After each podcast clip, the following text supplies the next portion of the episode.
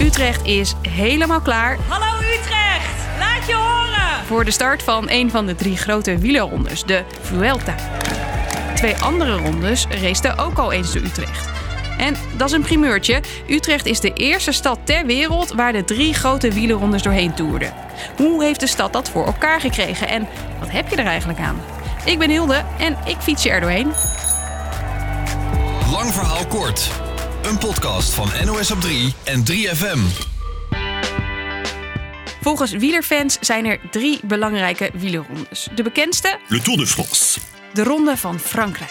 Iedere etappe goed voor zo'n 20 miljoen kijkers over de hele wereld. En langs de route staan vaak genoeg Nederlanders. Ja, we hebben er speciaal deze dag helemaal voor uitgetrokken. Onze vakantie aangepast om naar de Tour te gaan. De andere twee beroemde rondes zijn de Giro d'Italia, de Ronde van Italië dus, en de Vuelta, die door Spanje gaat. Alle drie duren precies 23 dagen en finish je altijd in het eigen land.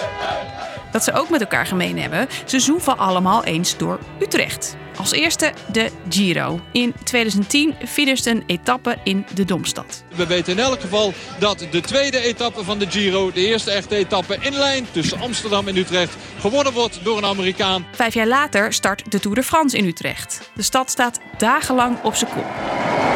Wat een moment. De gele trui onder de dom. En nu dus de start van de Vuelta. De Ronde van Spanje start niet vaak buiten Spanje. Het is pas de vierde keer in het 87-jarige bestaan dat dat gebeurt. Burgemeester Sharon Dijksma Hallo Utrecht! is er maar trots op. We zijn de eerste stad wereldwijd die na de Giro d'Italia en de Tour de France nu ook het startschot mogen geven aan de La Vuelta. Dus ja, dat is iets om super trots op te zijn, denk ik. Hoe krijgt Utrecht dat telkens voor elkaar? Het is niet zomaar een belletje van de burgemeester. Er zit een heel team achter van politiek en ondernemers die jarenlang lobbyen. Wij gaan voor het eh, Grand Depart, dus wij willen dat in Utrecht hebben. Dat zei de Utrechtse burgemeester Annie Brouwer-Korf in 2007. Zij reisde Europa rond om aan de organisatie van de Tour de France haar Utrechtse gezicht te laten zien. En dat betekent dat we eigenlijk ook overal zijn. En eh, samen met Jan Jans en een hele delegatie. Er is al een club naar eh, Londen geweest en nu zijn we hier. Om die stemming gewoon steeds goed in te houden. En ook om te laten zien dat we er echt serieus voor gaan.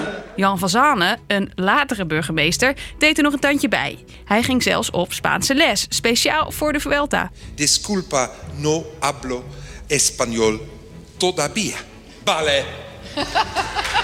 Alsof het zijn moedertaal is, toch? Leuk, al die moeite van Utrecht, maar waarom is de stad ook voor de organisatoren een match?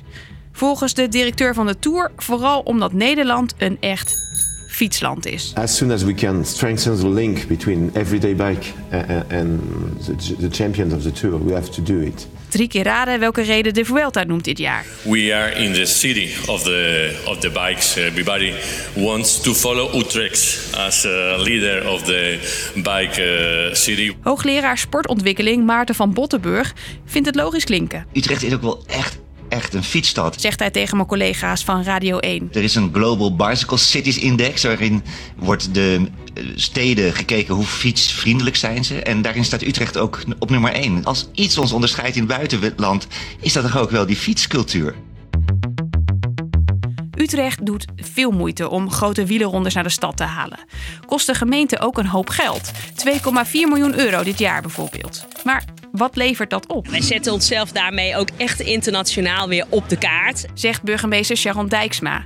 De investering terugverdienen, dat zit er niet in. We zien vaak genoeg eh, bij evenementen dat steden daar geen winst op boeken. Dus ik zou het onverstandig vinden om nu te gaan doen alsof dat anders is. Dat maakt ook niet uit, zegt hoogleraar Maarten van Bottenburg. Het is altijd zo, hè, dat zeg ik ook altijd, als je een, een feestje organiseert voor jezelf, dan ga je niet aan het eind kijken van eh, hoeveel heb ik eraan verdiend. Dan doe je dat ook met andere doelen. Dus eh, je wil bijvoorbeeld feestelijkheid creëren en reuring in je stad. Je wil toerisme bevorderen, je wil de horeca aanjagen. De gemeente maakt dan geen winst, maar voor Utrechtse bedrijven is zo'n evenement wel een kans om geld te verdienen. In de Tour was er ook ongeveer een begroting eh, van om en nabij de 15 miljoen.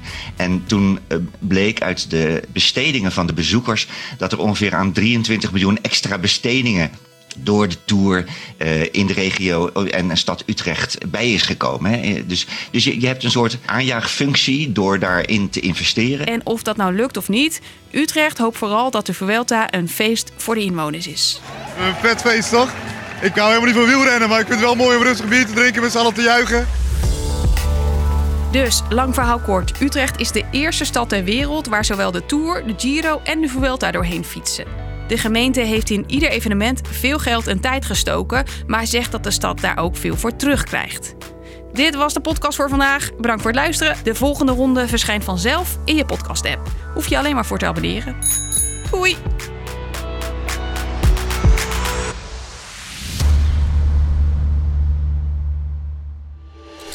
FM Podcast. Er zijn genoeg alarmbellen afgegaan de afgelopen jaren. Maar dat gruwelijke incident in de supermarkt op 13 november 2034, toen een jongen van begin 20 doodging in mijn armen, is voor mij de aanleiding geweest om deze podcast te maken. Ik ben Amira Vadel en je luistert naar De Omega, mijn laatste publicatie als vrije journalist. Check hem via de 3FM-app of jouw favoriete podcastplatform.